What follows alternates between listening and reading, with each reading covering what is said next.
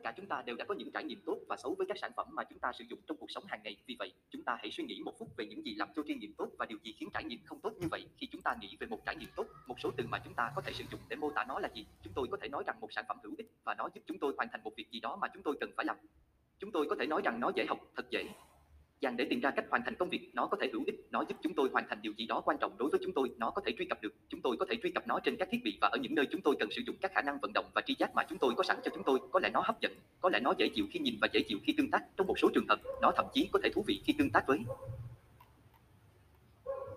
nó có thể giúp chúng ta cảm thấy kết nối hơn với những người khác hoặc chức hoặc công ty cung cấp dịch vụ hoặc sản phẩm. Chúng tôi có dám mơ rằng một sản phẩm có thể thú vị và trải nghiệm có thể để lại cho chúng tôi cảm giác tốt hơn so với khi chúng tôi bắt đầu sử dụng nó. Cuối cùng, một trải nghiệm người dùng tốt là thỏa mãn, còn về trải nghiệm người dùng tồi thì sao? Chà, chúng ta có thể nghĩ về trải nghiệm người dùng tồi tệ là một thứ gây căng thẳng, một điều mà có lẽ chúng ta không thực sự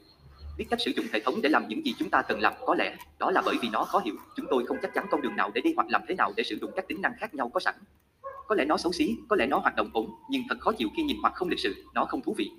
Có lẽ, nó gây mất tập trung, có lẽ, nó buộc chúng ta phải làm mọi thứ hoặc tham gia với các tính năng của hệ thống không nằm trong những gì chúng tôi đang cố gắng hoàn thành.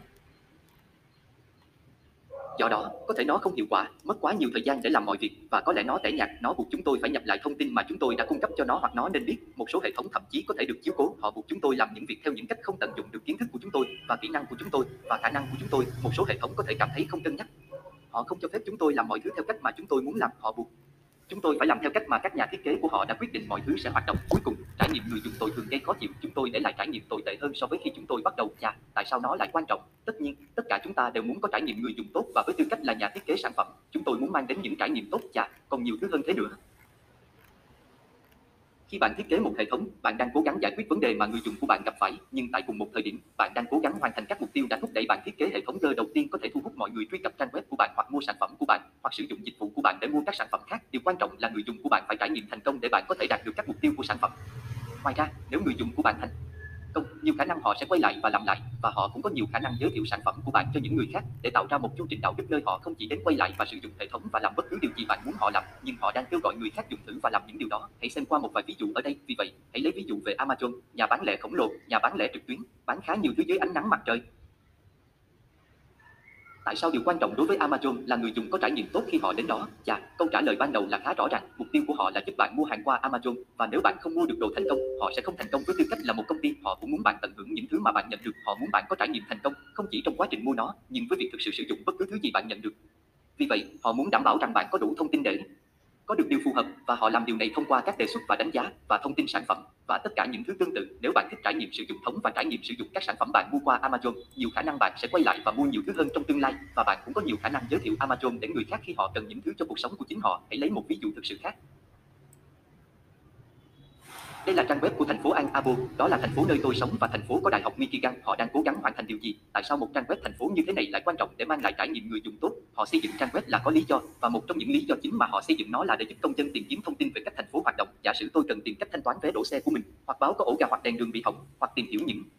gì đang xây dựng đang xảy ra có thể ảnh hưởng đến đường đi làm của tôi bằng cách cung cấp thông tin một cách hiệu quả. Trang web của thành phố có thể giúp người dân thành phố hiểu được cách thức hoạt động của các dịch vụ. Họ có thể hiểu ngày nhận rác của họ là khi nào và cách báo cáo các vấn đề khi chúng phát sinh và làm thế nào để sử dụng các dịch vụ của thành phố một cách hiệu quả hơn. Bởi vì vào cuối ngày, mục tiêu mà thành phố sẽ có cho một trang web như thế này là lý hóa các dịch vụ mà họ cung cấp để làm cho nó nhiều hơn hiệu quả để ít người phải nhấc điện thoại và gọi cho ai đó hoặc văn phòng thành phố và sử dụng những cách hoàn thành công việc tốn nhiều thời gian hơn, giống như với bất kỳ trải nghiệm người dùng tốt nào khác. Nếu một người dùng có trải nghiệm tích cực, nhiều khả năng họ sẽ giới thiệu nó cho người khác khi họ có nhu cầu tương tự. Vì vậy, hãy xem xét một ví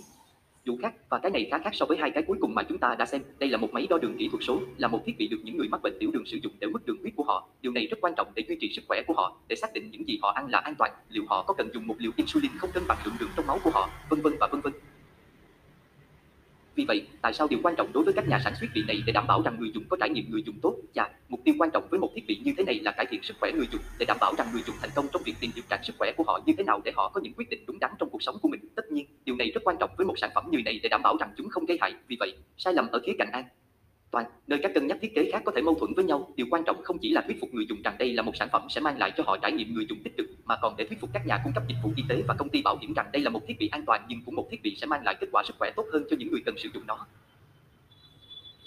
Một lần nữa, giống như với các loại sản phẩm khác, nếu người dùng thành công khi có trải nghiệm người dùng tích cực, nhiều khả năng họ sẽ giới thiệu nó cho những người khác có nhu cầu tương tự. Khi chúng tôi nói về trải nghiệm người dùng, chúng tôi đang nói về thực sự trải nghiệm người có khi họ tương tác với sản phẩm của bạn trên diện rộng. Điều đó có nghĩa là tất nhiên sử dụng sản phẩm, nhưng nó cũng có nghĩa là những thứ khác như lựa chọn sản phẩm vô số các sản phẩm khác có thể có ở đó. Cho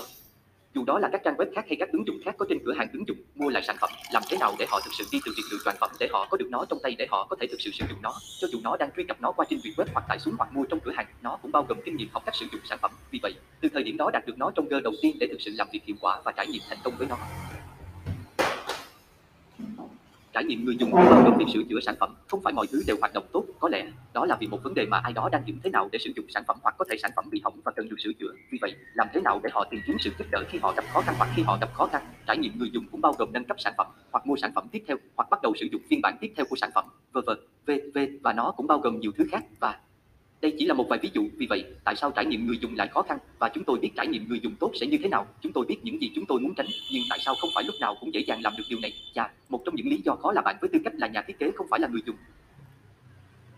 Ngay cả khi bạn là người dùng tiềm năng của sản phẩm này, bạn không đại diện cho tất cả người dùng và điều rất quan trọng là phải ra ngoài và hiểu người dùng là ai, những gì họ cần, cách họ làm việc để bạn có thể thiết kế hiệu quả cho chúng. Một lý do khác khiến trải nghiệm người dùng khó làm bỉ vì phần lớn thời gian trong tiêu ác, chúng tôi đang xử lý phần mềm, chúng tôi đang xử lý các hệ thống tương tác dựa trên máy tính và máy tính nghĩ khác với con người. Vì vậy, dịch những gì hiệu quả và những gì dễ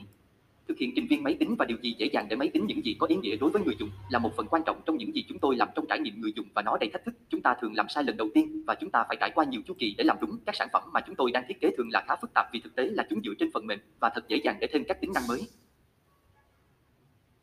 vì vậy, giúp tập trung vào kinh nghiệm người dùng và những gì người dùng thực sự cần là một phần quan trọng và nó thường có thể rất khó khăn, đặc biệt là thiết kế các hệ thống lớn hơn và phức tạp hơn. May mắn thay, trong trải nghiệm người dùng, chúng tôi có các kỹ thuật hiện đang làm việc để giúp tạo trải nghiệm người dùng dễ dàng. Đầu tiên, chúng tôi tuân theo một quy trình tạo mẫu lặp đi lặp lại, như tôi đã nói chỉ một phút trước, chúng tôi thường làm sai lần đầu tiên. Vì vậy, thay vì cố gắng để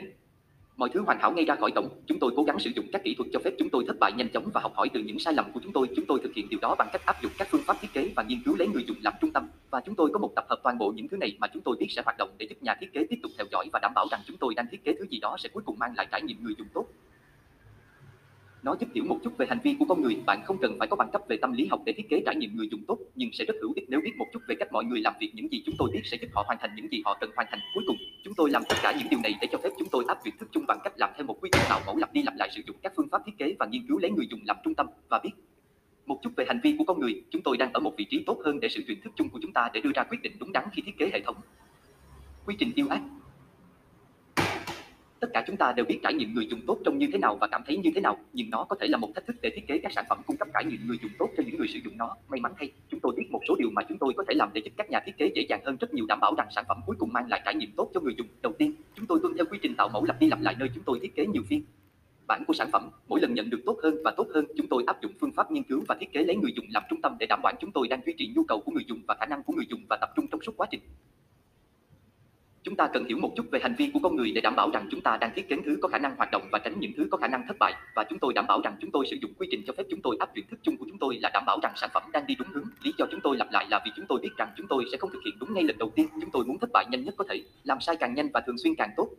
để chúng ta có thể học hỏi từ những sai lầm của mình và ít mắc sai lầm hơn mỗi lần. Vì vậy, khi chúng tôi đang chuyển qua quy trình, chúng tôi đang thiết kế một sản phẩm ngày càng tốt hơn và tốt hơn nữa là mang lại trải nghiệm người dùng tốt. Quy trình thiết kế lặp đi lặp lại mà chúng tôi áp dụng trong trải nghiệm người dùng có thể được nghĩ theo cách này. Chúng tôi coi đó là ba giai đoạn liên quan đến đánh giá, thiết kế và xây dựng.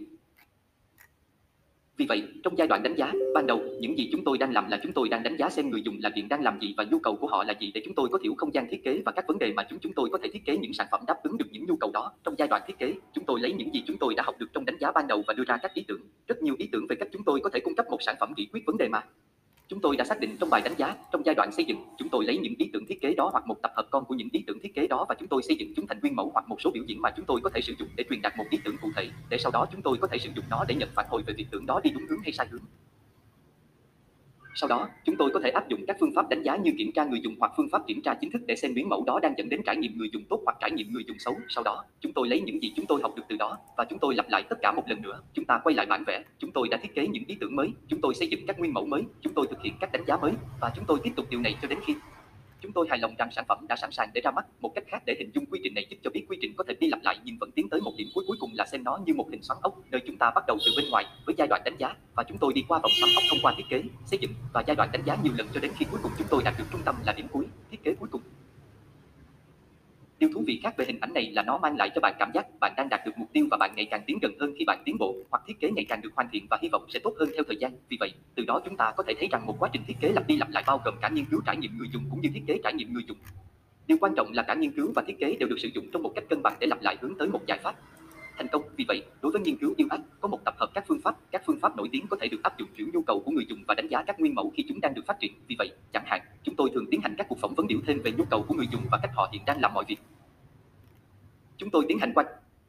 sát để thực sự xem mọi người làm gì và họ làm như thế nào để hiểu những điều mà họ có thể không thể chúng tôi biết rất hiệu quả thông qua các cuộc phỏng vấn. Đôi khi chúng tôi tiến hành các cuộc khảo sát, đặc biệt là khi chúng tôi muốn tiếp cận lượng lớn khán giả và chúng tôi cần hiểu các đặc điểm, hành vi và thái độ của lượng lớn khán giả đó và chúng tôi không thể tiếp cận với mọi thành viên của khán giả đó vì có quá nhiều người trong số họ. Chúng tôi sử dụng thử nhìn người dùng để lấy nguyên mẫu hoặc hệ thống mà chúng tôi đã phát triển tìm ra liệu mọi người có thể thành những gì họ cần với nguyên mẫu hoặc hệ thống đó. Chúng tôi cũng áp dụng một loạt các phương pháp kiểm tra mà chúng tôi có thể sử dụng các phương pháp hay nhất và kiến thức về những gì hoạt động và những gì không xem xét kỹ lưỡng một nguyên mẫu hoặc đại diện của một hệ thống để xác định xem nó có đang đi đúng hướng để mang lại trải nghiệm người dùng tốt hay không. Chúng tôi cũng áp dụng một loạt các phương pháp thiết kế trong suốt quá trình yêu ác. Vì vậy, ví dụ, phát triển cá tính và kịch bản và câu chuyện của người dùng để đại diện cho các kiểu người sử dụng hệ thống và các loại thứ mà họ cần để có thể hoàn thành với hệ thống. Chúng tôi cũng sử dụng phát thảo và ý tưởng để tạo ra nhiều giải pháp khả thi khác nhau để chúng tôi biết rằng chúng ta có rất nhiều thứ mà chúng ta có thể chọn đó chúng tôi có thể có được những ý tưởng tốt nhất hiện có chúng. Tôi sử dụng bản phân cảnh để suy nghĩ về khả năng tương tác với hệ thống, vì vậy, chúng tôi có thể xem liệu điều đó có hợp lý hay không và liệu điều đó quá thứ mang lại trải nghiệm người dùng tốt. Chúng tôi sử dụng bản đồ và điều hướng được thiết kế để vạch tất cả những điều khác nhau mà bạn có thể làm hệ thống và đảm bảo rằng tất cả chúng đều có ý nghĩa với nhau. Chúng tôi thực hiện một nghiên cứu so sánh trong đó chúng tôi đi ra ngoài và xem xét các đối thủ cạnh tranh hoặc ví dụ khác về các sản phẩm đang cố gắng đạt được những điều tương tự để cố gắng hiểu những gì là phương pháp hay nhất hiện có và những điều chúng ta có thể muốn tránh. Chúng tôi xây dựng nhiều loại nguyên mẫu khác nhau từ thấp đến trung bình đến các nguyên mẫu có độ trung thực cao trong suốt quá trình để đưa những ý tưởng thiết kế đó vào một biểu mẫu mà chúng tôi có thể sử dụng. Để nhận được hồi hiệu quả trong việc sử dụng cho các đánh giá như kiểm tra người dùng, như tôi đã nói, điều quan trọng là phải hiểu một chút về cách mọi người làm việc. Vì vậy, khi chúng tôi trải qua quá trình thiết kế và tạo mẫu đó, cuối cùng chúng tôi đang tạo ra những thứ có nhiều khả năng hiệu quả hơn. Vì vậy, hiểu rõ mọi thứ, những gì mọi người có thể nhận thức, ví dụ, hệ thống thị giác của con người hoạt động như thế nào. Vì vậy, làm thế nào để người ta trích xuất thông tin từ các kích thích thị giác? Làm thế nào bạn có thể thiết kế một màn hình hoặc trang web để mọi người thực sự có thể hiểu những gì trên đó? Mọi người làm mọi việc như thế nào? Làm thế nào để mọi người hành động trong thế giới? Làm thế nào để họ quyết định hành động như thế nào trong thế giới và làm thế nào để quản lý thông? Tin về kết quả của hành động của họ, làm thế nào để họ biết nếu họ đang đi đúng hướng hoặc nếu họ cần phải thực hiện con đường khác để chúng tôi có thể thiết kế các hệ thống dẫn mọi người theo hướng mà họ cần phải đi. Cảm xúc có vai trò như thế nào, hoặc làm thế nào và tại sao cảm xúc ảnh hưởng đến ra quyết định và cảm xúc đóng vai trò kỳ trải nghiệm người dùng để chúng tôi có thể thiết kế các hệ thống tạo cảm xúc tích cực trong người dùng của chúng tôi. Cuối cùng, chúng tôi muốn tự thiết lập để có thể sự truyền thức chung của chúng ta để thiết kế các hệ thống sẽ hoạt động trong một quy trình giúp bạn tiếp xúc với nhu cầu và thực tiễn của người dùng. Trong phản hồi của người dùng đối với các thiết kế có thể có thông qua thử nghiệm của người dùng và các phương pháp khác, tôi sẽ cho phép bạn xem những gì hiệu quả và những gì không. Vì vậy, đó là cách chúng tôi làm cho trải nghiệm người dùng trở nên dễ dàng. Chúng tôi tự làm cho mình dễ dàng với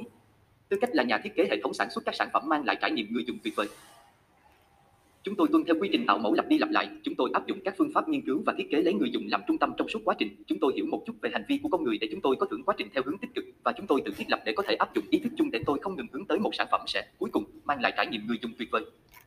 Các thành phần của yêu ác vì vậy, tất cả chúng ta đều biết trải nghiệm người dùng tốt và xấu sẽ như thế nào và chúng ta có thể nghĩ ra rất nhiều từ có thể áp dụng cho cả hai trường hợp đó. Hệ thống hoặc một kinh nghiệm có thể hữu ích, nó có thể được dễ dàng để học, nó có thể hấp dẫn, nó có thể là niềm vui hoặc nó có thể là căng thẳng và xấu xí và trịch thượng và tẻ nhạt và bực bội. Vì vậy, làm thế nào để chúng tôi ghi nhớ tất cả những điều này khi chúng tôi thiết kế? Làm cách nào để chúng tôi tập trung vào thiết kế của mình? Để chúng tôi đảm bảo rằng chúng tôi tranh những phẩm chất mà chúng ta không muốn và hướng tới những phẩm chất mà chúng ta muốn. Vâng, Frank viết cho Usater năm 2012 đã cung cấp cách đơn giản hóa này để xem xét trải nghiệm người dùng mà tôi nghĩ là thực sự hữu ích. Ông đề xuất chúng ta có thể chia trải nghiệm người dùng thành bốn thành phần chính: giá trị của nó, khả năng sử dụng, khả năng thích ứng và khả năng mong muốn. Vì vậy, khi chúng ta nói về giá trị, chúng tôi đang hỏi là hệ thống này hay thiết kế này hữu ích cho con người, nó có đạt được những gì họ cần nó để hoàn thành không, và nó có tốt hơn các lựa chọn thay thế không? Vì vậy, như một ví dụ, chúng ta có thể nghĩ về Visican, được phát triển vào cuối những năm 70 và được tính phần mềm đầu tiên được rất nhiều người sử dụng, và đó là một thành công to lớn vì nó cho phép mọi người làm điều gì đó mà trước đây họ chỉ đơn giản là không thể làm để có thể cập Nhật toàn bộ mạng của ca các công thức khác nhau và xem kết quả ngay lập tức. Vì vậy, nó cho phép mọi người nhanh chóng khám phá các tính toán tài chính khác nhau về về theo một cách mà trước đây không thể thực hiện được. Vì vậy, nó mang lại giá trị to lớn cho những người cần thực hiện các loại tính toán này và nó vượt trội hơn rất nhiều so với bất cứ thứ gì khác ngoài kia theo các tiêu chuẩn hiện đại. Nó không nhất thiết phải là một thành công lớn về khả năng sử dụng. Trên thực tế, khi các đối thủ cạnh tranh xuất hiện sau đó vài năm như Lotus 1, 2, 3 và Microsoft Excel, cuối cùng họ đã xóa sổ thị trường cho Visican vì họ có thẩn cấp khả năng sử dụng vượt trội và các phẩm chất khác vượt trội. Tuy nhiên, vì Visican ban đầu cung cấp chức năng không tồn tại, nó đã có thể thành công ngoài sức tưởng tượng. Khi chúng ta nói về khả năng sử dụng, chúng tôi đang hỏi Liệu người dùng có thể làm những gì họ cần làm không? Vì vậy, giả sử chúng ta có giá trị đúng, mọi người có thể thực sự nhận ra giá trị đó không? Một ví dụ về một sản phẩm mắc lỗi này là Motorola Rock ra mắt vào đầu những năm 2000, tôi tin là 2004, nó thực sự là vài năm trước khi iPhone, nhưng nó là chiếc điện thoại đầu tiên tích hợp hoặc cố gắng tích hợp chức năng chơi nhạc MP3 và nó thực sự kết nối với cửa hàng iTunes do Apple điều hành. Tuy nhiên, khả năng sử dụng của nó đối với tất cả các tài khoản thật khủng khiếp. Mọi người không thể tìm ra cách sử dụng nó. Họ không thể tìm ra cách truy cập chức năng chơi nhạc và nó có những hạn chế kỳ lạ khác, như chỉ có thể hiển thị 100 bài hát đầu tiên bạn đã lưu trữ trên điện thoại mặc dù có những bài hát khác trên đó, có lẽ hàng ngàn bài hát khác. Kết quả là, mặc dù giá trị ở đó, đây là thứ mà người tiêu dùng chắc chắn có nhu cầu đã được chứng minh bởi iPhone một vài năm sau đó, khả năng sử dụng đã ngăn cản điều này thành công và cuối cùng sản phẩm đã thất bại. Ham muốn đề cập đến mức độ vui vẻ của một hệ thống, hấp dẫn và dễ chịu khi sử dụng. Vì vậy, gắn bó với một ví dụ tương tự với ROG iPod khi nó ra mắt vào đầu những năm 2000 là một thành công to lớn. Khi iPad ra mắt, nó cung cấp một thiết kế mới nổi bật mà rất nhiều người chỉ yêu thích và thấy thực sự thú vị và hấp dẫn khi sử dụng. Đặc biệt, con lăn đã cách hoàn toàn mới để tương tác với một thiết bị như thế này và mọi người thực sự thấy nó trực quan và thanh lịch cũng như một cách tương tác thú vị với thiết bị này và thiết bị kia góp phần tạo nên thành công. Và cuối cùng, khả năng chấp nhận đề cập đến việc dễ dàng tìm thấy và bắt đầu sử dụng một hệ thống hoặc một thiết bị. Và để minh họa điều này, tôi sẽ đưa ra một ví dụ về một dịch vụ cung cấp trải nghiệm sử dụng ban đầu rất tốt đẹp. Vì vậy, đây là trang web của Duolingo là một dịch vụ để học một ngôn ngữ mới và đây là màn hình mà bạn nhìn thấy lần đầu tiên với Duolingo và bạn chưa từng sử dụng nó bao giờ. Vì vậy, hướng dẫn rất rõ ràng. Chúng tôi bắt đầu và điều đầu tiên nó yêu cầu là tôi muốn sử dụng ngôn ngữ nào. Tôi muốn học tiếng Pháp Phát video bắt đầu lúc 5, 5 và theo dõi bản ghi 5, 05. Sau đó nó hỏi tôi, tôi nghiêm túc về nó như thế nào. Vì vậy, tôi thực sự không biết. Tôi chỉ nói rằng tôi bình thường, vì vậy, tiếp theo nó hỏi tôi, tôi mới học tiếng Pháp hay tôi đã biết một số tiếng Pháp. Giả sử tôi mới làm quen với tiếng Pháp và tôi ngay lập tức bắt đầu học tiếng Pháp, nó yêu cầu tôi chọn bản dịch của người phụ nữ và tôi bắt đầu tham gia vào quá trình học tập. Vì vậy, bạn sẽ nhận thấy nó không yêu cầu tôi tạo tên người dùng hoặc mật khẩu hoặc nhập thẻ tín dụng của tôi hoặc bất kỳ thứ nào khác. Nó chỉ đưa tôi vào ngay hệ thống và cho phép tôi bắt đầu sử dụng nó. Khi tôi tiếp tục, tại một số điểm, nó hỏi tôi nếu tôi muốn tạo một hồ sơ để tôi có thể lưu tiến trình của mình và những thứ tương tự, nhưng nó thành công trên các tiêu chí về khả năng chấp nhận bẩn cho tôi rất dễ dàng vào và lép đầu mà không cần phải trải qua nhiều thứ khác. Điều đó thực sự không thú vị với tôi. Các phương pháp cơ bản mà chúng tôi sử dụng trong nghiên cứu và thiết kế trải nghiệm người dùng làm giúp chúng tôi giải quyết tất cả các thuộc tính này của trải nghiệm người dùng. Vì vậy, các phương pháp mà chúng tôi sử dụng để hiểu người dùng, để thiết kế và tạo mẫu hệ thống và đánh giá thiết kế có thể được áp dụng cho các câu hỏi xung quanh giá trị, khả năng sử dụng, khả năng thích ứng và sự mong muốn của một hệ thống. Vì vậy, chẳng hạn, nếu chúng ta nghĩ về cứu trải nghiệm người dùng và suy nghĩ về hai loại chính hoạt động nghiên cứu trải nghiệm người dùng mà chúng tôi thường hiện, các hoạt động xoay quanh việc hiểu người dùng và các hoạt động xung quanh việc đánh giá các thiết kế. Vì vậy, khi chúng tôi đặt câu hỏi về giá trị cho người dùng trong giai đoạn tìm hiểu, chúng tôi hỏi người dùng cần gì, hệ thống của chúng tôi cần cung cấp những gì cho họ và khi chúng tôi đánh giá, chúng tôi hỏi thiết kế này có đáp ứng các nhu cầu mà chúng tôi hiểu không? Khi hỏi về khả năng sử dụng trong giai đoạn tìm hiểu, chúng ta cần hiểu họ đã làm điều đó như thế nào bây giờ. Làm thế nào để họ hoàn thành các nhiệm vụ mà hệ thống của chúng tôi sẽ thực hiện trợ trong cuộc sống hiện tại của họ và sử dụng hệ thống hiện tại của họ. Sau khi chúng tôi đánh giá các thiết kế mà chúng tôi đã sản xuất, chúng tôi hỏi liệu họ có thể hoàn thành nó không? Họ có thể thực hiện những nhiệm vụ đó với hệ thống mà chúng tôi đã thiết kế này không? Khi xem xét khả năng mong muốn trong giai đoạn tìm hiểu, chúng ta cần hiểu người dùng của chúng tôi mong muốn điều gì, họ tìm kiếm điều gì, lượt đi của họ là gì và lượt đi của họ là gì. Và khi chúng tôi đánh giá thiết kế, chúng ta có thể hỏi thiết kế này có hấp dẫn không? Nó có những phẩm chất vui nhộn đó không? Và thú vị và thanh lịch mà chúng ta liên tưởng đến sự mong muốn. Và cuối cùng, khi xem xét khả năng chấp nhận, khi chúng tôi hiểu người dùng trong giai đoạn đầu, chúng ta có thể hỏi, người dùng tìm kiếm những thứ ở đâu và làm thế nào để họ hiểu mọi thứ khi họ mới bắt đầu sử dụng chúng? Và khi chúng tôi đánh giá thiết kế của mình, chúng tôi có thể hỏi, người dùng có thể tìm và truy cập hệ thống dựa trên cách chúng tôi dự định cung cấp hệ thống cho họ không? Quy trình thiết kế lặp đi lặp lại là trọng tâm của nghiên cứu trải nghiệm người dùng và thiết kế là hướng dẫn cho bạn bảo rằng các thành phần khác nhau này của trải nghiệm người dùng được hiện thực hóa trong sản phẩm mà bạn đang thiết kế. Vì vậy, để kết thúc, trải nghiệm người dùng là nhiều mặt, không chỉ về một trong những điều này, nó không chỉ là về khả năng sử dụng hoặc sang trọng hoặc mong muốn các phương pháp yêu ác cơ bản mà chúng tôi đề cập trong khóa học này và trong các khóa học khác có thể giải quyết các mối quan tâm khác nhau về yêu ác và quan trọng nhất hãy để quá trình này là hướng dẫn của bạn. Nó không phải là thứ mà bạn có thể lấy ngay ra khỏi hộp, nhưng bạn cần phải tuân theo một quy trình lặp đi lặp lại, đặt câu hỏi trong suốt quá trình để đảm bảo rằng cuối cùng bạn cho ra đời một sản phẩm mang lại trải nghiệm người dùng tuyệt vời. Tổng quan về thiết kế yêu ác vì vậy, chúng ta muốn nói gì khi nói về thiết kế trong yêu ác? Chà, tôi muốn bắt đầu bằng cách nghĩ xem thuật ngữ thiết kế được sử dụng phổ biến như thế nào, cách hàng ngày và tôi muốn làm điều đó bằng cách xem những gì sẽ xảy ra khi chúng tôi thực hiện tìm kiếm hình ảnh của Google về thiết kế. Phát video bắt đầu lúc 28 và theo dõi bản ghi không 28. Dạ, những gì chúng ta thấy là rất nhiều ảnh trực quan về cơ bản là đồ trang trí của một số loại. Nếu chúng ta cuộn xuống, chúng ta có thể thấy rất nhiều hình ảnh đồ họa và một số công cụ được sử dụng để sản xuất hình ảnh đồ họa. Và do đó, thông thường khi mọi người nói về thiết kế, họ nói về cách một thứ gì đó trông như thế nào, có thể nó có trang trí gì, nó có dạng gì. Tuy nhiên, đây là một thiết kế sử dụng rất hẹp và cụ thể. Steve Jobs từng nói, hầu hết mọi người làm sai lầm của thiết kế suy nghĩ là nó trông như thế nào? Mọi người nghĩ đó là tác phẩm này rằng các nhà thiết kế được giao chiếc hộp này và nói rằng hãy làm cho nó trông đẹp. Nhưng đó không phải là những gì chúng tôi nghĩ về thiết kế. Nó không chỉ là những gì nó trông giống và cảm thấy như thế nào. Thiết kế là cách nó hoạt động. Charles Am, một nhà thiết kế đồ nội thất nổi tiếng giữa thế kỷ cho biết, thiết kế là một kế hoạch để sắp xếp các yếu tố trong phim một cách để hoàn thành tốt nhất một mục đích cụ thể.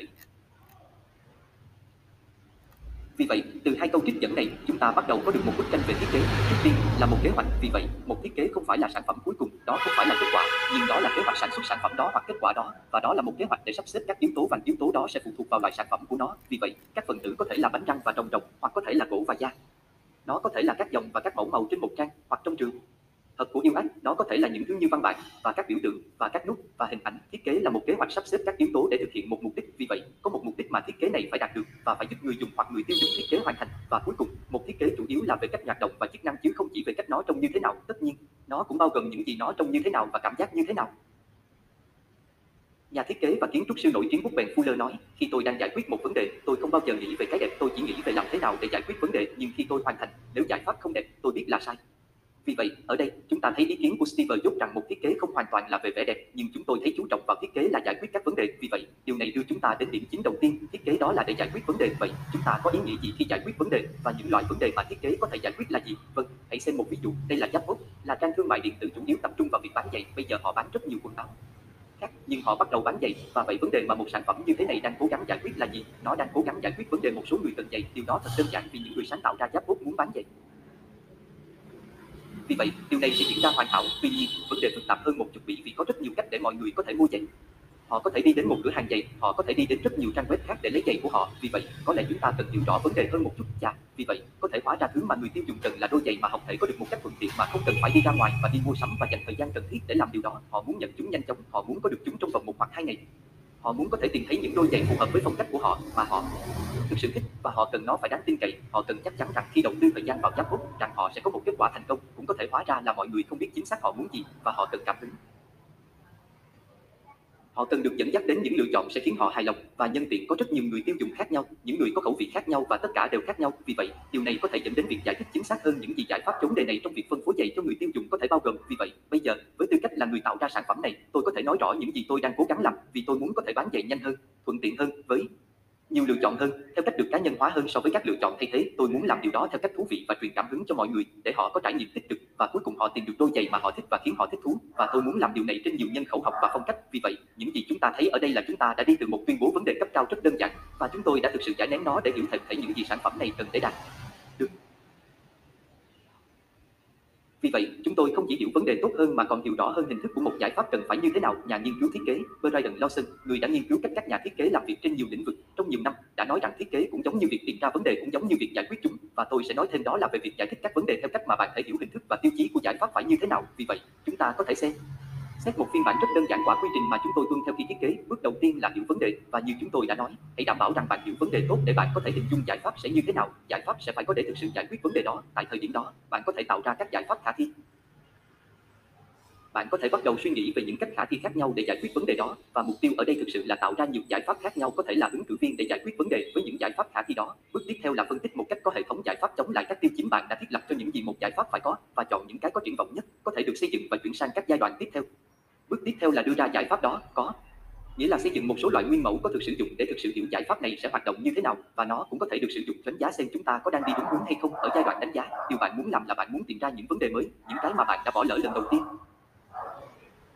có thể bạn đã bỏ lỡ các yêu cầu quan trọng hoặc bạn đã bỏ qua các ràng buộc quan trọng và bây giờ bạn sẽ quay lại từ đầu, hiểu những vấn đề đó, đưa ra các giải pháp khả thi, vân vân và vân vân. Vì vậy, để xem một ví dụ về cách tất cả điều này hoạt động, tôi muốn giới thiệu cho các bạn một dự án khá thú vị mà tôi mới xem qua gần đây. Nó được gọi là 50 vấn đề trong 50 ngày. Và chính nhà thiết kế người Anh tên là Peter Smart này đã đi du lịch khắp nơi châu và đặt mục tiêu cho bản thân là phải thực Hiện 50 mẫu thiết kế trong vòng 50 ngày bắt đầu bằng việc hiểu một vấn đề vào buổi sáng, làm việc thông qua các giải pháp và đưa ra một nguyên mẫu của giải pháp vào buổi tối. Vì vậy, một trong những điều tôi thích là ngày 29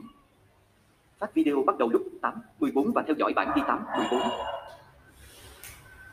Và anh ta đang ở một nhà trọ ở Amsterdam và anh ấy đã quan sát thấy rằng tại ký túc xá của mình, các nhân viên đôi khi có những khách không thể nói một ngôn ngữ mà họ hiểu. Vì vậy, có vấn đề giao tiếp giữa nhân viên tại nhà trọ và khách. Vì vậy, thách thức hôm nay, anh ấy nói là làm việc với nhân viên ký túc xá để phát triển một hệ thống hỗ trợ giao tiếp. Vì vậy, anh ấy bắt đầu bằng cách ngồi xuống với các nhân viên yêu cầu họ nghĩ về những câu hỏi mà họ thường được khách đặt ra và yêu cầu họ viết chúng vào ghi chú cột ít và thuật là một số lượng lớn các loại câu hỏi thường phải trả lời hàng ngày. Vì vậy, đây là một phần của việc hiểu vấn đề về một cách cụ thể hơn từ vấn đề chung của giao tiếp để nói các loại giao tiếp cụ thể mà chúng ta cần giải quyết là gì. Từ đó, ông sắp xếp chúng thành các loại câu hỏi khác nhau. Nói chà, có chủ đề hay có những mẫu mà chúng ta có thể bẫy khi cố gắng đưa ra các giải pháp thiết kế. và từ đó anh ấy có thể tổ chức kiến trúc giao tiếp để tóm tắt luồng tương tác với khách vì vậy làm thế nào họ bắt đầu tìm ra những điều hỏi là và loại câu trả lời mà khách đang tìm kiếm và xa hơn nữa anh ấy đã phân loại chúng thành các chủ đề chính và thực sự yêu cầu nhân viên ký túc xá làm việc với anh ta để rút ra một số thứ chính như hành lý thanh toán ga xe lửa bữa sáng v.v và hãy xem những điều đó có thể được truyền đạt thông qua hình ảnh như thế nào vì vấn đề là mọi người không cùng ngôn ngữ chung mà họ có thể sử dụng để nói về những điều này. Sau đó, ông tham gia vào việc tạo mẫu nhanh. Vì vậy, về cơ bản, phát thảo và thử các ý tưởng khác nhau thể được sử dụng để tạo điều kiện cho loại giao tiếp này. Và cuối cùng, lặp đi lặp lại những thứ đó để đưa ra nguyên mẫu cụ thể này, mà là một cuốn sách có thể được sử dụng để tạo điều kiện giao tiếp và cách nó hoạt động. Một vị khách có thể lấy cuốn sách, họ có thể chỉ ra liệu họ có một câu hỏi hoặc một tuyên bố, loại câu hỏi mà họ đang cố hỏi là gì, đó là về thời điểm điều gì đó xảy ra, tại sao điều gì đó xảy ra, nó ở đâu hoặc về bản thân nhân viên ký túc xá, và sau đó từ đó có thể tiếp tục và hủy câu hỏi cụ thể hơn bằng cách sử dụng các đại diện bằng hình ảnh này. Vì vậy, trong ví dụ đơn giản đó, chỉ là một ví dụ rất ngắn trong một ngày, chúng tôi đã thấy tất cả các bước này ngoại trừ có thể là bước cuối cùng đang diễn ra hiểu vấn đề đưa ra các giải pháp khả thi, phân tích và lựa chọn từ các giải pháp khả thi đó và thể hiện những giải pháp đó theo cách có thể giúp cả nhà thiết kế, nhân viên ký túc xá và những người có khả năng khác giá xem nó có thực sự giải quyết được vấn đề hay không. Từ đó, bạn thường sẽ tiếp tục nó, lặp lại và cố gắng tinh chỉnh và đưa ra các giải pháp tốt hơn dựa trên những gì bạn học được từ đó trong một số bài giảng khác, chúng tôi đã nói về quy trình thiết kế lặp đi lặp lại mà chúng tôi sử dụng cứu và thiết kế yêu ác để đưa ra các sản phẩm mang lại trải nghiệm người dùng tuyệt vời và tôi chỉ muốn chỉ ra rằng quá trình thiết kế này mà tôi vừa mô tả phù hợp với quy trình mà chúng ta đã nói đến. Vì vậy, khi chúng ta nói về cách hiểu vấn đề phù hợp với những gì chúng tôi đã gọi là giai đoạn đánh giá, nơi chúng tôi hiểu ban đầu mọi người đang làm gì vậy, điều gì hiệu quả và điều gì không phù hợp với họ và sau đó sử dụng nó để hiểu những vấn đề chúng ta sẽ giải quyết trong giai đoạn thiết kế tạo ra các giải pháp khả thi là những gì chúng tôi làm trong quá trình ghi giai đoạn thiết kế ban đầu đó để cố gắng khám phá không gian của các giải pháp khả thi và vào cuối giai đoạn thiết kế đó chúng tôi phân tích và lựa chọn các giải pháp hứa hẹn nhất trong giai đoạn xây dựng, chúng tôi thể hiện những giải pháp tiềm năng đó dưới dạng nguyên mẫu mà sau đó chúng tôi có thể sử dụng các phương pháp nghiên cứu yêu ác để đánh giá và tìm vấn đề mới mà chúng tôi có thể sử dụng trong giai đoạn thiết kế và xây dựng tiếp theo. Vì vậy, những gì tôi mô tả ở đây thực sự là một quy trình thiết kế chung, nó có thể được sử dụng để thiết kế bất cứ thứ gì từ một weekend đánh răng tàu sân bay. Vậy, thiết kế yêu ác có gì đặc biệt? Vâng, một vài điều, một là trải Nhìn trong hệ thống mà chúng tôi đang xây dựng có tính tương tác, có nghĩa là chúng dựa trên thời gian, chúng xảy ra theo thời gian, chúng dựa trên các quy tắc phản hồi hành động và nhận các quy tắc đó. Điều gì xảy ra khi người dùng thực hiện ít là một trong những điều quan trọng mà chúng tôi tập trung vào và những gì chúng tôi đang cố gắng thiết kế. Vì vậy, để phá vỡ điều đó nhiều hơn, suy nghĩ về việc thiết kế hành động, đó là về việc thiết kế các tùy chọn lệnh hoặc những thứ mà người dùng có thể làm. Và khi nghĩ về phần phản ứng của phương trình đó, nó là về những thông tin được trình bày và những lệnh mới là kỳ khả dụng khi một lệnh cụ thể được gọi. Và kết quả là trong thiết kế yêu ách, nơi chúng tôi đang xử lý các hệ thống tương tác, chúng tôi thường phải đối mặt với hành vi hệ thống phức tạp. Điều này thúc đẩy chúng tôi hướng tới sự tập trung vào khả năng sử dụng. Làm cách nào chúng tôi có thể đảm bảo rằng mọi người có thể điều hướng hệ thống phức tạp này để có thể hoàn thành những việc mà chúng cần phải làm trong thiết kế UX bối cảnh là rất quan trọng. Vì vậy, hiểu bằng cách nào và khi nào và tại sao mọi người được sử dụng và tương tác với hệ thống của chúng tôi là rất quan trọng để thiết kế đúng vì vậy, chúng ta cần hiểu các tương tác khác mọi người đang gặp phải với các hệ thống khác, với các thiết bị khác, với những người khác và những việc khác họ đang làm khi cố gắng tương tác với hệ thống của chúng tôi, họ đang tham gia vào những hoạt động nào khác cùng lúc và những người khác có liên quan gì. Vì vậy, nhìn vào quy trình thiết kế mà tôi đã giới thiệu một vài trang trình bày trước đây và ánh xạ nó vào quy trình thiết kế yêu ách, chúng ta có thể thấy rằng việc hiểu vấn đề trở nên rất quan. Trọng đối với việc nghiên cứu dụng và các tác vụ mà họ đang cố gắng thực hiện thành và bối cảnh mà họ đang cố gắng hoàn thành chúng, việc tạo ra các giải pháp khả thi ở dạng phát thảo các ý tưởng thiết kế khác nhau, phân tích câu chuyện để cho biết cách tương tác diễn ra theo thời gian, cụ thể đóng khung bằng dây, vân vân và vân vân. Việc phân tích và lựa chọn giữa các giải pháp thiết kế không chỉ áp dụng các tiêu chí của vấn đề thiết kế như chúng tôi đã hiểu về nó, mà còn áp dụng tiêu chí yêu ách. Chúng ta biết gì về những gì mang lại trải nghiệm người dùng tốt và điều gì khiến chúng ta tránh xa điều đó. Việc hiện thực hóa các giải pháp sẽ là về việc xây dựng các nguyên mẫu và chúng ta sẽ nói thêm về các loại nguyên mẫu khác nhau mà bạn có thể tạo. Và việc đánh giá và tìm ra các vấn đề mới với các nguyên mẫu đó sẽ dựa trên dùng các phương pháp nghiên cứu yêu ách cụ thể như kiểm tra người dùng để có thể hiểu những vấn đề đó có thể là gì. Vì vậy, để tổng kết quá trình thiết kế và chúng ta sẽ nói về điều này nhiều hơn trong các bài giảng khác là hiểu vấn đề, đưa ra các giải pháp khả thi, phân tích và lựa chọn trong số các giải pháp khả thi đó, thể hiện chúng trong một nguyên mẫu và sau đó đánh giá chúng để xem liệu chúng ta có đang đi đúng hướng hay không và tìm ra những vấn đề mới mà chúng ta cần giải quyết trong giai đoạn tiếp theo. Nguyên mẫu đóng vai trò trung tâm trong thiết kế yêu ác Chúng ta muốn nói gì khi nói về một nguyên mẫu? Phát video bắt đầu lúc 15 và theo dõi bản ghi không 15. Vâng, Bill Murray, đồng sáng lập của công ty thiết kế nổi tiếng IDEO, đã mô tả một nguyên mẫu như một đại diện của một thiết kế được thực hiện trước khi giải pháp cuối cùng tồn tại và trong suốt quá trình của một dự án thiết kế yêu ái, bạn thường sẽ tạo nguyên mẫu đang trên đường đưa ra giải pháp thiết kế cuối cùng. Vậy tại sao chúng tôi lại làm nguyên mẫu? Dạ, có một số lý do mà chúng tôi tạo mẫu trong thiết kế yêu ái. Một là cải cách. Đây là một thuật ngữ có nghĩa là biến một cái gì đó thành hiện thực hoặc làm cho một cái gì đó cụ thể khi chúng tôi tạo mẫu chúng tôi làm cho ý tưởng thiết kế của mình trở nên cụ thể vì vậy chúng tôi có thể kiểm tra chúng và tìm hiểu xem chúng có hoạt động hay không Phát video bắt đầu lúc một và theo dõi bản ghi 100. Chúng tôi tạo mẫu để hỗ trợ phản chiếu, vì vậy, bằng cách biến mọi thứ thành hiện thực, chúng tôi có thể phản ánh xem liệu chúng có đáp ứng được thiết kế tiêu mà chúng ta có hoặc liệu chúng có đưa chúng ta đi theo một hướng khác hay không. Phát video bắt đầu lúc 1, 12 và theo dõi bản ghi 1, 12. một vai trò quan trọng mà các nguyên mẫu đóng vai trò là tạo điều kiện giao tiếp. Vì vậy, bằng cách tạo ra một cái gì đó cụ thể, bằng cách thể hiện nó, sau đó chúng tôi có thể đưa các bên liên quan khác vào cuộc trò chuyện để tìm hiểu xem từ chức năng này sang chức năng khác, cách chúng được tích hợp và quy trình và phạm vi tác vụ. Vì vậy thế nào để bạn thực sự hỗ trợ các tác vụ mà người dùng cần thực hiện và chúng tôi có hỗ trợ tất cả các nhiệm vụ mà họ cần làm không. Đồng thời, các nguyên mẫu có độ trung thực thấp bỏ qua những thứ như đồ họa, như màu sắc và phông chữ sẽ được sử dụng. Chúng không liên quan đến bất kỳ chương trình nào, chúng thường được làm trên giấy, vì vậy chúng có thể được tạo ra với giá rẻ và vứt bỏ khi chúng không còn cần thiết nữa, và kết quả là họ không sử dụng dữ liệu thực. Khi chúng tôi tiến hành quá trình thiết kế, chúng tôi sẽ cần giải quyết một số vấn đề này vì vậy chúng ta sẽ chuyển sang các dạng nguyên mẫu khác như nguyên mẫu giữa phiên viễn tưởng. Vì vậy, những nguyên mẫu này sẽ giải quyết tất cả các mối quan tâm mà lo vì địa chỉ nguyên mẫu như chức năng và đồng nhiệm vụ, nhưng cũng bắt đầu xem xét các mối quan tâm như bố cục, tất cả các trường và điều kiện khác nhau sẽ được bố trí cụ thể như thế nào. Họ có thể bắt đầu giải quyết một số vấn đề về tương tác, vậy cảm giác thực sự tương tác với hệ thống như thế nào và làm thế nào để bạn điều hướng từ một phần của hệ thống sang phần khác? Tuy nhiên, tại thời điểm này, chúng tôi sẽ bỏ qua những thứ như đồ họa phong chữ cụ thể, màu sắc, hình ảnh sẽ có rất ít hoặc không liên quan đến lập trình, tùy thuộc vào các công cuộc sử dụng và một lần nữa, chúng tôi sẽ không thực sự tương tác với dữ liệu thực. Chúng tôi sẽ sử dụng dữ liệu giả để điền vào dữ liệu mà hệ thống sẽ thực sự sử dụng sau này và sau đó, vào cuối quá trình thiết kế, khi chúng tôi chắc chắn rằng chúng tôi có ý tưởng cơ bản về thiết kế, chúng tôi sẽ sản xuất các nguyên mẫu có độ trung thực cao. Điều này sẽ giải quyết một số mối lo ngại này chúng tôi chưa giải quyết trong các nguyên mẫu có độ trung thực trung bình và thấp, như thiết kế đồ họa, một số chi tiết tương tác khác, chẳng hạn như hình ảnh động và dữ liệu thực tế hơn sẽ ánh xạ những điểm dùng thực sự sẽ tương tác với. Tuy nhiên, một nguyên mẫu có độ trung thực cao không phải là sản phẩm cuối cùng, nó có thể sẽ không liên quan đến lập trình phụ trợ sẽ được yêu cầu và nó có thể không có phạm vi chức năng hoàn chỉnh, nó sẽ được tập trung vào nhiệm vụ mà nguyên mẫu cụ thể đó là trái ngược với hoàn thành, cho dù đó là để hỗ trợ tác vụ của người dùng, để hỗ trợ giao tiếp với các bên liên quan. VV, một bài báo của Lee, Stoltenberg và Tenben giới thiệu nguyên tắc kinh tế của việc tạo mẫu. Họ nói rằng nguyên mẫu tốt nhất là nguyên mẫu đơn giản nhất và hiệu quả nhất làm cho khả năng của một ý tưởng thiết kế có thể nhìn thấy và đo lường được và điều này có thể được áp dụng trong quá trình thiết kế bằng cách chọn nguyên mẫu thích hợp nhất cho giai đoạn thiết kế để trả lời các câu hỏi quan trọng tại thời điểm đó. Vì vậy, ngay từ đầu trong quá trình này, bạn quan tâm đến chức năng và phạm vi nhiệm vụ hơn bạn ít quan tâm đến các chi tiết về giao diện của nó. Sau đó trong quá trình này, sau khi bạn đã thiết lập chức năng cơ bản, bạn sẽ quan tâm hơn đến những vấn đề đó và đó là lý do tại sao chúng tôi tiến bộ qua các độ trung thực khi chúng tôi làm nguyên mẫu. Phát video bắt đầu lúc 6, 46 và theo dõi bản ghi 6, 46. Lý do chính mà chúng tôi làm điều này là chúng tôi muốn tránh cam kết quá sớm, đó là đầu tư các nguồn lực như thời gian và tiền bạc và ý tưởng thiết kế sẽ trở thành ngõ cụt khi chúng ta làm điều đó. Chúng ta không chỉ lãng phí tiền bạc và công sức mà còn có thể gây mệt mỏi tiền nguyên dự án của họ và sắp hết thời gian, đời chúng ta có thể sẽ mắc kẹt với một thiết kế tồi hoặc một thiết kế không tối ưu nhất có thể. Tuy nhiên, cuối cùng chúng ta cũng đầu tư vào một cách làm cho nó rất khoát bên liên quan từ bỏ các ý tưởng đã được phát triển và đầu tư vào. Vì vậy, thật khó để loại bỏ những nhận thức và cam kết tình cảm mà các bên liên quan thực hiện khi họ đã đầu tư thời gian đáng kể và tài nguyên vào một hướng thiết kế cụ thể bằng cách tập trung vào việc tạo mẫu có độ trung thực thấp ngay trong quá trình này. Bạn tối đa hóa số lần bạn có được để tinh chỉnh thiết kế của mình trước khi bạn cam kết viết mã hoặc sản xuất hoặc bất cứ điều gì bạn sẽ làm để sản xuất sản phẩm và phân phối. Tạo mẫu có độ trung thực thấp sử dụng các vật liệu nhẹ, nhanh chóng, rẻ và thay đổi, không giống như phần mềm hoặc phần cứng và người bạn của chúng tôi, Biên Mốc Gai nói về các nguyên mẫu có độ trung thực thấp, rằng chúng không quý giá và do đó mời các nhà phê bình trung thực hơn. Vì vậy, mọi người sẵn sàng đưa ra phản hồi trung thực và cởi mở hơn về thứ mà họ cho là chưa hoàn thành hoặc không phải là cuối cùng, hơn là họa khi họ nhìn thấy thứ gì đó có vẻ như rất nhiều công việc đã được dồn vào đó. Phát video bắt đầu lúc 8 giờ 20 và theo dõi bản ghi 820. Làm thế nào để tạo mẫu phù hợp với quy trình thiết kế yêu ác? Và trước khi bạn có thể xây dựng một nguyên mẫu sửa đổi ý tưởng thiết kế của mình, bạn cần phải trải qua quá trình đánh giá nhu cầu hiện tại đầu tiên và vấn đề thiết kế mà bạn đang cố gắng giải quyết, thiết lập các hướng dẫn và ràng buộc đối với một giải pháp tốt sẽ trông như thế nào và phát triển những thứ như tính cách, kịch bản, câu chuyện người dùng, yêu cầu, vờ vờ để hướng dẫn quy trình thiết kế. Bạn cũng cần phải trải qua quá trình thiết kế các giải pháp thông qua ý tưởng, phát thảo, lựa chọn và tổng hợp. Phát video bắt đầu lúc 8:55 và theo dõi bản ghi 8:55.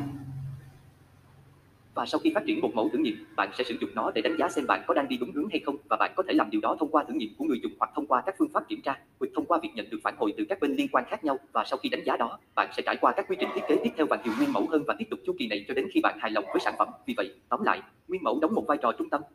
Trong quá trình thiết kế UX, chúng thể hiện các khái niệm thiết kế để tạo điều kiện cho khả năng của chúng tôi suy nghĩ rõ ràng hơn về chúng, giao tiếp với các bên liên quan và nhận phản hồi và sử dụng chúng trong đánh giá phương pháp đến từ nghiên cứu UX như phương pháp kiểm tra và kiểm tra của người dùng. Phát thảo các nhà thiết kế yêu ác thực hiện rất nhiều phát thảo trong suốt quá trình thiết kế. Chúng ta muốn nói gì khi nói về một bản phát thảo? Một bản phát thảo là một thứ rẻ tiền, sự thể hiện một ý tưởng được xây dựng nhanh chóng. Nó có thể có nhiều dạng khác nhau như bạn có thể thấy ở đây. Những phẩm chất của một bản phát thảo rất quan trọng đối với quá trình thiết kế là chúng nhanh chóng tạo ra, chúng đúng lúc, chúng có thể được chèn vào quá trình thiết kế theo nhiều cách khác nhau, chúng không đắt, chúng dùng một lần bạn không cam kết với họ, bạn có thể loại bỏ chúng nếu chúng không hoạt động, chúng rất phong phú. Bạn có thể tạo ra rất nhiều và thường đó là những gì bạn muốn làm, chúng liên quan đến chi tiết tối thiểu. Vì vậy bạn không mất nhiều thời gian làm việc trên các chi tiết không quan trọng gì bạn đang cố gắng suy nghĩ hoặc gì bạn đang cố gắng giao tiếp ở một giai đoạn cụ thể. Chúng cho phép sự mơ hồ, vì vậy họ tạo điều kiện cho cuộc trò chuyện về khả năng thiết kế khác mà không cần qua mọi người suy nghĩ về các giải pháp cụ thể. Bill Button đã nói rất nhiều về phát thảo và vai trò của nó trong quá trình thiết kế yêu. Anh ấy nói, phát thảo theo nghĩa động là một hoạt động không chỉ là một sản phẩm phụ của thiết kế, nó là trung tâm của tư duy thiết kế và học tập. Bản phát thảo là sản phẩm phụ của quá trình phát thảo. Chúng là một phần của những gì cả cho phép và kết quả. tư trình phát thảo nhưng còn nhiều hơn thế nữa hoạt động của việc phát thảo hơn là tạo ra các bản phát thảo. Tôi nghĩ điều thực sự quan trọng ở đây đang suy nghĩ về quá trình và mục tiêu phát thảo khác với đầu ra, đó là những bản phát thảo. Vì vậy, tại sao ký họa? Tại sao lại tham gia vào hoạt động ký họa này? Chà, một lý do là nó cho phép chúng ta phản ánh bằng cách đặt tưởng của chúng tôi ra khỏi đó một cách nhanh chóng và không tốn kém. Chúng ta có thể phản ánh cách chúng hoạt động và liệu chúng có thực sự có ý nghĩa hay không. Chúng cho phép chúng tôi khám phá nhanh chóng toàn bộ các ý tưởng khác nhau thể rất khác hoặc có thể giống nhau và chúng ta có thể nhanh chóng khám phá toàn bộ không gian thiết kế. Bản phát thảo cho chúng tôi giao tiếp nhanh chóng và trong một cách phù hợp với giai đoạn của quá trình thiết kế, đặc biệt khi chúng tôi đang khám phá các ý tưởng đang cố gắng nhận phản hồi về cách phù hợp để đi làm thế nào bạn nên đi về phát thảo. Trước tiên, bạn muốn sử dụng bút chì và giấy hoặc có thể là bản trắng. Các công cụ dựa trên máy tính sẽ buộc bạn xử lý tất cả những chi tiết này như màu sắc và phông chữ và bố cục chính xác. Điều đó thực sự thích hợp cho hoạt động phát thảo. Bạn muốn có thể đi nhanh và bạn muốn không tập trung việc hoàn thiện các bản phát thảo riêng lẻ, bạn muốn tập trung vào việc thực hiện nhiều bản phát thảo phát thảo rất nhiều ý tưởng khác nhau. Điều quan trọng là bạn phải nhận ra rằng bạn không cần phải giỏi về để tạo ra các bản phát thảo có hiệu quả cho sự phản ánh và giao tiếp. Khi chúng tôi phát thảo trong thiết kế yêu có một số điều khác nhau mà chúng ta có thể nghĩ về việc phát thảo. Một là phát thảo vấn đề. Cố gắng hiểu rõ hơn vấn đề mà bạn đang cố gắng giải quyết. Vì vậy, làm thế nào một người sẽ gặp vấn đề này? Bạn có thể làm điều này thông qua việc hiển thị bản phân cảnh tả ai đó đang gặp sự cố. Bạn cũng có thể phát thảo giải pháp nó trông như thế nào cho vấn đề được giải quyết. Bạn thường sẽ phát họa thống cần thiết để giúp giải quyết vấn đề đó. Cả ba điều này sẽ giúp bạn hiểu không gian thiết kế, hiểu những gì giải pháp phải có để có thể thực hiện và hệ thống sẽ phải trông như thế nào để giải quyết vấn đề đó. Một ý tưởng có liên quan chặt chẽ trong quá trình thiết kế UX là khái niệm về một nguyên mẫu. Điều này đôi khi có thể gây nhầm lẫn vì một bản phát thảo có thể là một nguyên mẫu. Nguyên mẫu thường được định nghĩa là đại diện của một thiết kế khi thiết kế cuối cùng được sản xuất và các bản phát thảo thường thực hiện được điều đó. Ngoài ra, một nguyên mẫu có thể là một bản phát thảo, nghĩa là nó có thể được sản xuất trên giấy bút một cách rất nhanh chóng. Trên thực tế, các nguyên mẫu có độ trung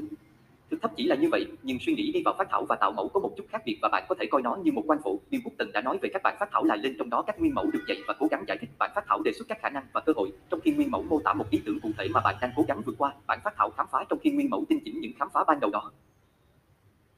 Bản phát thảo có thể giúp đưa ra câu hỏi trong khi nguyên mẫu cố gắng trả lời những câu hỏi đó. Bản phát thảo đề xuất các ý tưởng trong khi các nguyên mẫu có thể được sử dụng để kiểm tra các ý tưởng và đánh giá đó. Bản phát thảo có thể kích động trong khi các nguyên mẫu giải quyết. Bản phát thảo là dự kiến, nguyên mẫu là cụ thể. Bản phát thảo không phải là đơn nguyên mà nguyên mẫu là việc cam kết với một ý tưởng cụ thể và xem liệu nó có hiệu quả hay không. Vì vậy, bạn có thể xem các bản phát thảo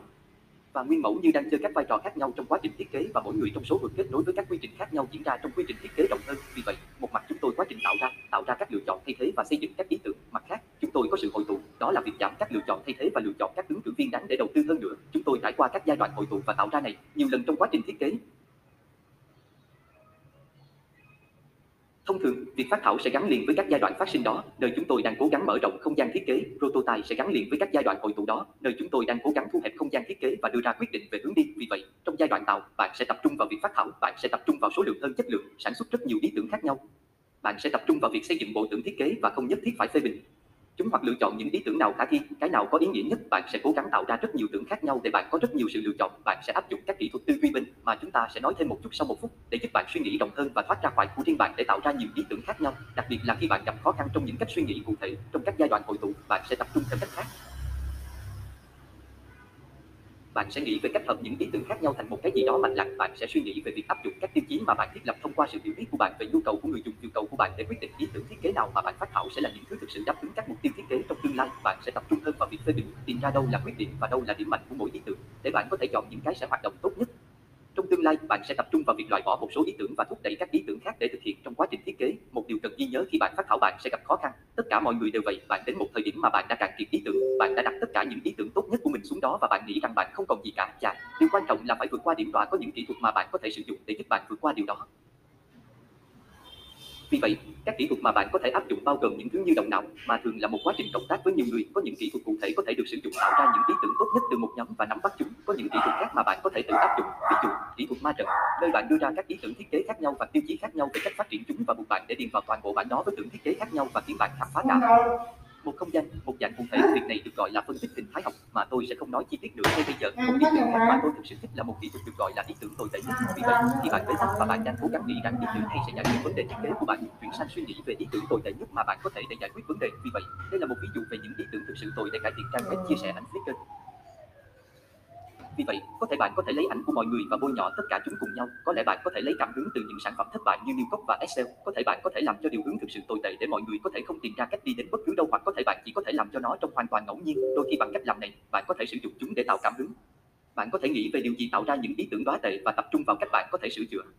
Chúng thỉnh thoảng, cái gì đó thoát ra từ cái này sẽ sự chỉ cho bạn một hướng mà bạn sẽ không đi theo cách khác. Vì vậy, hãy đi và phát thảo. Điều quan trọng nhất để thoát khỏi điều này là phát thảo là một phần quan trọng của quá trình. Khi bạn đang phát thảo, bạn cần nghĩ đến việc thực hiện các bản phát thảo nhanh hoàn hảo hơn là cố gắng hoàn thiện từng ý tưởng. Bạn đang cố gắng tạo ra số lượng hơn chất lượng bởi vì điều bạn đang tập trung vào tạo ra ý tưởng thay vì chọn lọc ý tưởng và tập trung vào một ý tưởng tuyệt vời. Bạn có thể sử dụng các kỹ thuật tư duy bên khi bạn gặp khó khăn nhiều cách để vượt qua khối phát thảo và nảy ra nhiều ý tưởng hơn bạn có thể nếu bạn chỉ làm theo bản năng ban đầu của mình ngay từ đầu.